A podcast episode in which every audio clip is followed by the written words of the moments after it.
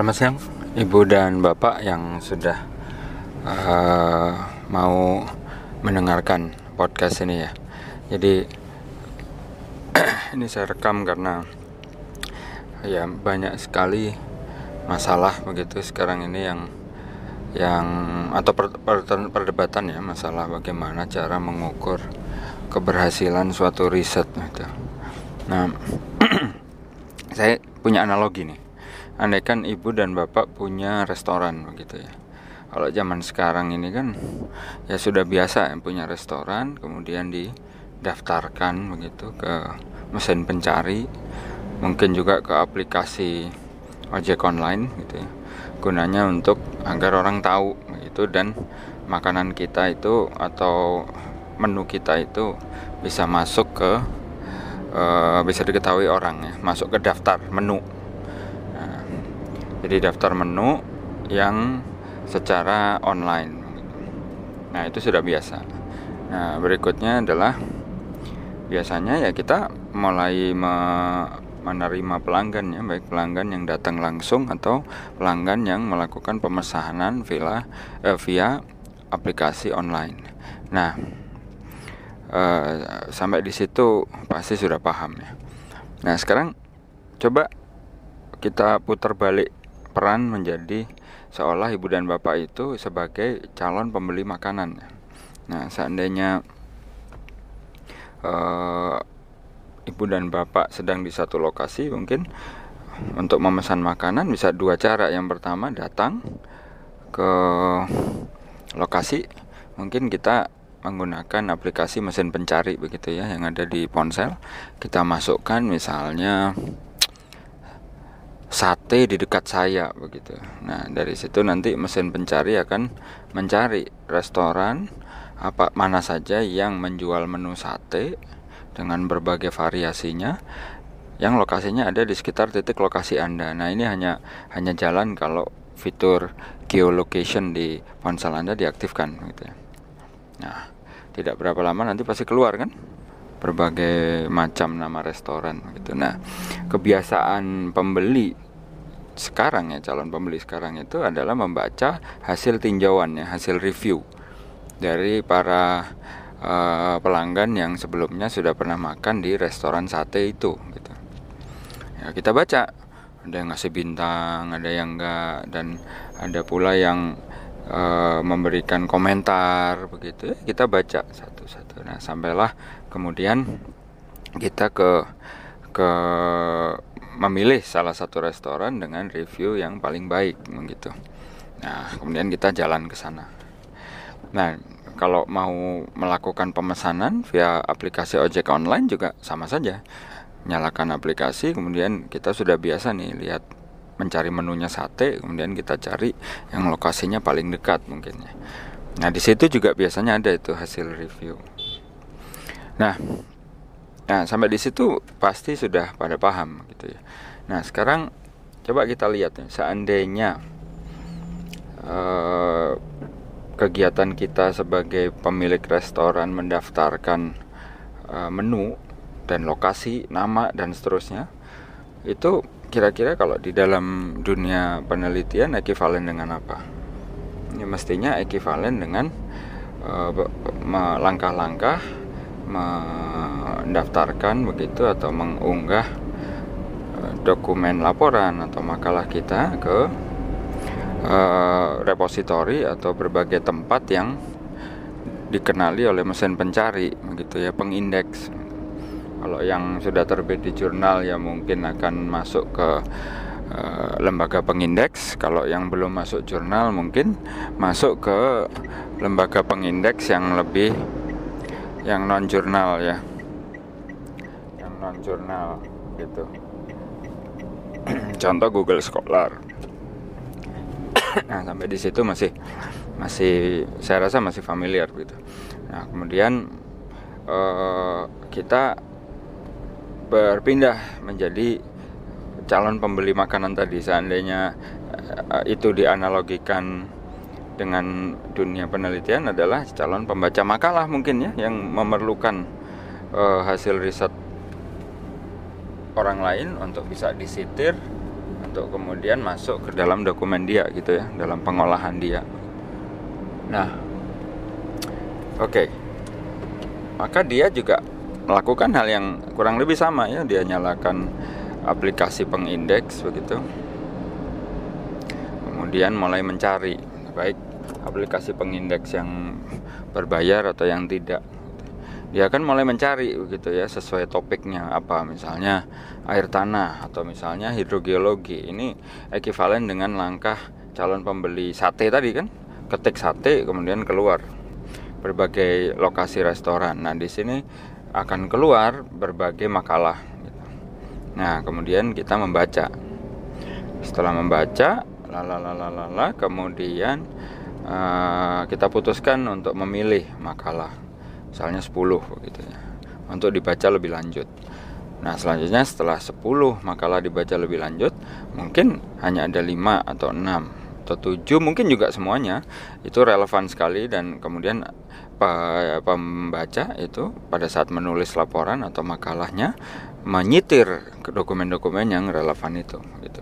Nah, sampai di sini sebenarnya mirip ya dengan langkah orang yang memilih restoran tadi kemudian dia makan di mana gitu. Tapi ketika kemudian menjadi agak-agak berbeda kondisinya pada saat ketika kemudian ada orang lain yang mencoba menilai restoran mana yang bagus atau makalah mana yang bagus gitu. Oke, kita lanjutkan ya.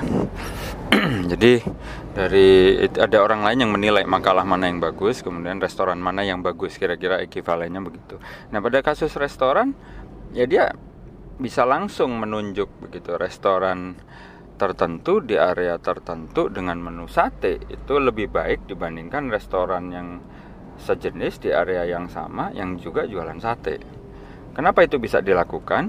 Karena bintang jumlah bintang yang jumlah bintang dan komentar dari para pembeli satenya itu langsung ditujukan atau langsung uh, dilabeli sebagai komentar atau bintang dari uh, restoran itu ya. Nah sekarang coba kita geser. Ada orang yang berusaha menilai riset mana yang yang bagus begitu ya. Nah uh, prosedur yang biasa adalah menghitung jumlah sitasi gitu ya. Jumlah sitasi dari makalah itu. Nah di sinilah mulai agak ada masalah. Begini sitasi itu apakah sitasi penulis atau jumlah sitasi makalah atau jumlah sitasi jurnal. Nah, itu nanti akan masing-masing. Kalau jumlah sitasi penulis biasanya dihitung ulang kemudian muncul sebagai H index. Kalau uh, jumlah sitasi jurnal maka bisa muncul menjadi H index jurnal mungkin atau uh, skor tertentu lah yang dikeluarkan oleh lembaga pengindeks begitu. Contoh misalnya side score. Kemudian ada lagi uh, jumlah sitasi yang uh, oke okay, rasanya hanya dua itu ya level penulis dan level uh, jurnal. Nah sampai di situ masalahnya demikian. Seandainya yang diambil adalah jumlah sitasi level jurnal yang biasanya juga dilabeli dengan nama Journal Impact Factor. Nah, ini menjadi menjadi agak berbeda lagi tujuannya. Kenapa? Karena dalam dalam kasus restoran tadi, maka mestinya itu adalah mesin pencari. Ya, jurnal itu akan ekuivalen dengan apa begitu ya. Jurnal itu menjadi apa ya? Mungkin ekuivalen dengan misalnya aplikasi ojek online itu. Jadi kita menilai aplikasi mana sebenarnya yang bagus jadi kalau misalnya makalah itu terbit di satu jurnal, kemudian jurnalnya punya impact factor sekian misalnya, maka sebenarnya itu adalah nilai dari jurnalnya kan, bukan dari makalahnya. Gitu. Terlepas dari bahwa untuk bisa masuk ke situ, mungkin jurnalnya melakukan pemilihan yang sangat ketat. Ya, tapi kan tidak tidak penilaian jurnal itu juga tidak melihat secara langsung atau secara mendetail masalah bagaimana riset atau makalah itu ditulis sebenarnya ya mungkin makalah ya dilihat ya kualitasnya bagaimana tapi untuk e, risetnya sendiri kan tidak gitu. baik kita lanjutkan lagi jadi kembali lagi ya bahwa uh, kalau yang di menjadi yang jadi dijadikan patokan adalah ukuran-ukuran yang terkait dengan jurnal, contoh misalnya high index jurnal atau jurnal impact factor, maka kita juga sama saja tidak melihat uh, kualitas atau arti penting dari suatu riset, ya kan, yang dicerminkan dari makalahnya, gitu ya. Jadi uh, kurang lebih seperti itu. Walaupun tadi sudah saya jelaskan bahwa jurnal itu pasti melakukan seleksi gitu ya. Tapi seleksinya itu juga menurut saya baru di level makalah kan tidak dilihat sampai di mana risetnya itu bisa mempengaruhi masyarakat misalnya. Ya, jadi ada kulit berikutnya yang dinilai yaitu makalah dinilai oleh jurnal. Sementara orang yang menilai kualitas punya lapisan kulit berikutnya lagi yang yang digunakan sebagai indikator yaitu jurnal impact factor gitu ya. Ini kan ini jelas beda dengan dengan apa namanya? dengan analogi sate tadi ya. Kalau sate tadi kan jelas bahwa yang dinilai langsung ke restorannya, restorannya langsung ke satenya gitu. Kemudian orang melihat ya langsung udah bisa melihat restoran mana yang bagus dinilai dinilai enak dan restoran mana yang tidak enak gitu itu jelas ada beda di situ.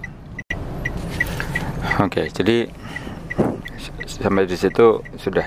Seandainya juga misalnya yang dijadikan indikator adalah uh, jumlah citasi tingkat penulis ya, atau H index dari penulis nah, kami melihatnya juga masih sama yaitu bahwa itu adalah kumulatif ya kumulatif nilai apa ya jumlah citasi dari satu penulis dari seluruh karyanya yang dia kumpulkan da, mulai dalam durasi tertentu.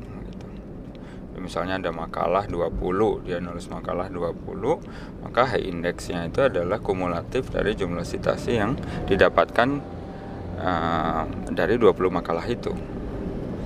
Nah sampai di situ oke okay, masih kita bisa lihat lah orang tertentu situasinya lebih tinggi dibanding orang yang lain gitu. Nah tapi kemudian uh, orang ini kan tidak sendiri masalah pertama ya orang ini kan tidak sendiri dalam melihat atau menulis makalah itu. Juga tidak sendiri pada saat melakukan riset itu ya kan? Jadi bagaimana kita bisa menentukan um, orang ini adalah sebagai indikator riset tertentu yang kualitasnya baik begitu. Ya itu uh, kritisi yang kami coba sampaikan. Yang berikutnya lagi adalah uh, pemikiran bahwa bagaimana um, jumlah citasi itu merefleksikan kualitas riset ya Sementara yang dinilai atau dihitung adalah makalah. Sementara makalah itu sendiri uh, punya tangan yang lain yaitu tangannya jurnal, layer yang jurnal tadi. Jadi kalau kita coba kupas satu-satu ya, kulitnya itu kembali lagi ada kulit pengindeks. Kemudian kalau dibuka lagi ada kulit uh, apa namanya? jurnal ya kan jadi itu akan menentukan juga persepsi orang, ya kan? Baik persepsi orang pada saat mengirimkan makalah, juga persepsi orang pada saat menyitir, gitu ya, jurnal. Kemudian kalau dibuka lagi ada uh, kulit yang berikutnya adalah makalahnya, ya, kualitas makalah. Kemudian kalau dibuka lagi di dalamnya ya kulit yang terkait langsung dengan riset, misalnya jumlah data, validitas data dan lain-lain yang sering kali itu semua tidak nampak di kalau dilihat dari kulit-kulit yang sebelum-sebelumnya begitu ya. Jadi banyak sekali layar kulit yang harus diamati sebenarnya. Kita lanjut lagi ya. Jadi uh, kesimpulan dari pembicaraan sampai tadi adalah bahwa banyak sekali lapisan kulit begitu. Dari sejak riset dilaksanakan, laporan jadi, makalah ditulis, kemudian makalah itu terbit di jurnal, jurnal masuk ke pengindeks, kemudian ada di tangan pembaca. Jadi layernya itu sangat banyak sampai akhirnya menjadi tidak menjadi lebih tidak objektif lagi saat orang itu menilai risetnya itu dari kulit paling luar yaitu misalnya H index ya pada level apa pun mau level penulis mau level jurnal begitu ya. Jadi tidak tidak ini lagi sebenarnya menjadi tidak menjadi jauh saja begitu. Coba aja anda bisa nggak menilai uh, jeruk itu manis atau tidak tapi tanpa dikupas kulitnya? Nah masalah masalahnya adalah kulitnya itu berlapis-lapis bukan hanya satu ya. Jadi kurang lebih seperti itu masalahnya. Jadi kembali lagi uh, walaupun menilai riset itu memang perlu perlu banyak stakeholders ya pemangku kepentingan tapi setidaknya satu jangan menilainya dari kulit paling luar. Ya, yang itu sudah prinsip yang sudah pasti itu. Kita sejak kecil sudah sering diminta oleh orang tua kita kan jangan menilai orang dari bajunya dari apa yang dia miliki dari apa yang dia bawa ke kantor mobil apa yang dia kendarai dan seterusnya. Jadi tidak tidak bisa begitu ya. Analogi yang lain itu kurang lebih pendeknya seperti kita menilai menilai keterampilan menyupir seseorang dari merek mobil yang dia kendarai. Ya jelas tidak bisa. Kalau mau ingin tahu dia nyupirnya pinter atau enggak ya kita harus masuk ke mobilnya kita rasakan dia nyupirnya bagaimana kan begitu. Jadi tidak bisa uh, menilai dari merek mobil yang dia bawa kurang lebih seperti itu ekstrimnya nah, sementara ini kondisi sekarang kita itu seolah digiring bahwa itulah cara yang paling benar menilai seseorang yaitu dari metrik-metrik atau ukuran-ukuran yang yang tidak langsung tadi gitu ya. Jadi kurang lebih seperti itu pandangan saya pada khususnya ya dan pandangan uh, berbagai gerakan atau inisiatif tentang sains terbuka di dunia masalah metrik-metrik ini begitu ya. Jadi kurang lebih seperti itu. Terima kasih sudah mendengarkan.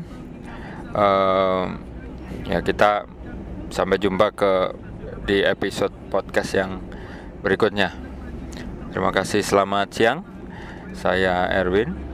Assalamualaikum warahmatullahi wabarakatuh.